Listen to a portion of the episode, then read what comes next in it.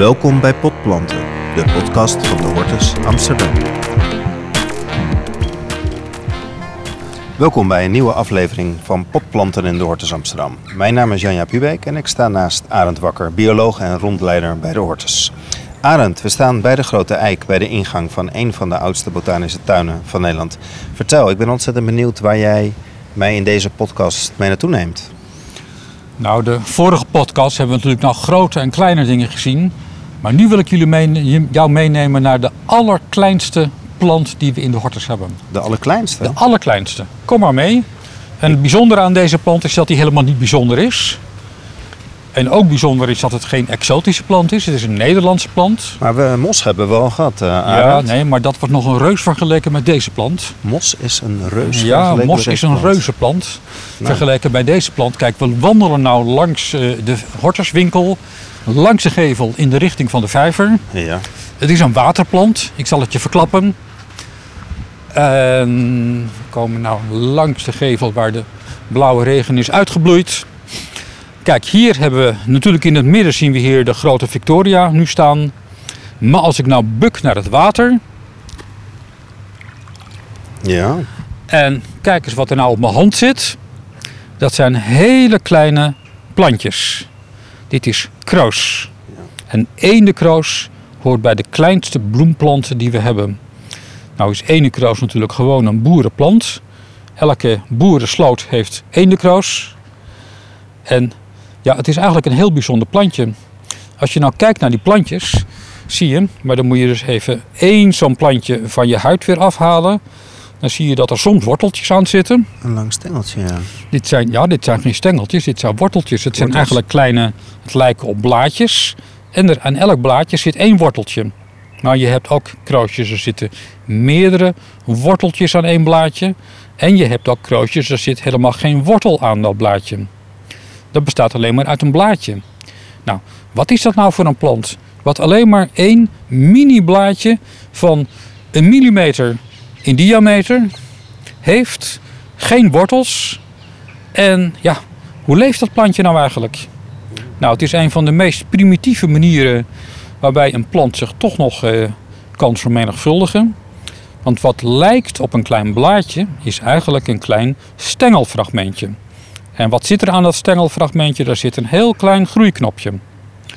Nou, dat stengelfragmentje en dat groeiknopje is eigenlijk al voldoende en dat is de hele plant. Want aan dat groeiknopje, daar groeit af en toe een nieuw stengelfragmentje. Die breken van elkaar af en dan heb je twee stengelfragmentjes drijvend in het water en twee kroosplantjes. Nou, als er maar voldoende voedsel in het water zit, dan kan zich dat herhalen en herhalen en wat begint als één klein groen mini-puntje midden in de sloot, kan na een paar uur, en zeker na een paar dagen, heeft dat de hele sloot of de hele vijver overdekt. dat weten we natuurlijk wel, dat je af en toe, dan weet je van die sloten, links en rechts van de weilanden, in Waterland bijvoorbeeld, je fietst daar en dan zie je links zie je zo'n bijna een soort uh, groen fietspad parallel aan jouw fietspad. Ja, nou, je, weet, je weet dat het geen fietspad is. Nou, dat moet je leren aan. Ja, ik dacht dat moet je leren. gras was. Je hebt er nog sterke verhalen over? Nou, ik dacht wel eens van, uh, ik ren door het gras en uh, ja. ik dacht dat het gras was en toen ja. had ik een natte voeten nou, aan. Zeker, buitenlanders willen zich daarbij wel eens vergissen. Helemaal s'avonds kan het erg bedriegelijk zijn, want dan zie je niet meer dat het groen is. Maar dan zie je het grijs en dan lijkt het bijna op asfalt. Alleen als je erop staat, dan zak je erdoor. Want dan is het kroos. En dat kroos dat bestaat dus uit een hele laag van die hele kleine mini-plantjes. Uh, hoe zijn die plantjes nou ontstaan? Deze plantjes hebben in de evolutie alles overboord gegooid wat ze niet nodig hadden. Want ze drijven eigenlijk in hun voeding, hè, dat slootwater of dat vijverwater, daar zitten zoveel stoffen in. Uh, nou, daar halen ze voeding uit. Daar hebben ze maar één worteltje en soms eigenlijk geen worteltje voor nodig om toch dat voedsel te kunnen opnemen.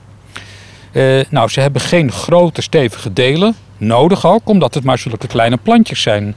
Ze hoeven zich ook niet op te richten, want ze drijven op de oppervlakte van het water, op de oppervlaktespanning van het water. Dus ze hoeven niet stevig te zijn. Ze hebben helemaal geen houtige delen nodig. Alleen ja, een normale bloem, zou je, of een normale plant, die wil natuurlijk bloeien.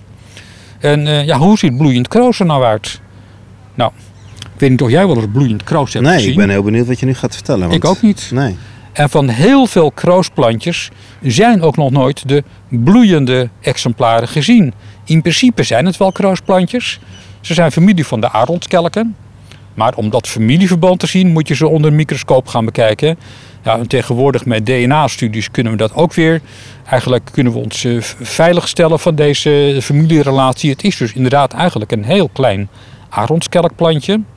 Alleen de evolutie heeft deze plant alles uh, wat het tot een kruidplant maakte overboord gegooid. En zichzelf gereduceerd tot het meest minimale wat een plant tot plant maakt. Een klein stengelfragmentje en een klein groeiknopje. Maar hoe vermenigvuldigen deze plantjes zich dan als ze geen bloemen en dus ook geen zaad maken?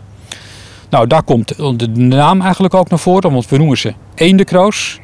Wat gebeurt er als in deze sloten met eendekroos, als daar eenden in neerstrijken, een beetje rondslobberen en dan naar, denk je van ik ga verkassen naar de volgende sloot. Dan stijgt die weer op uit het water en dan blijft er kleven aan zijn veren, deze kleine kroosplantjes.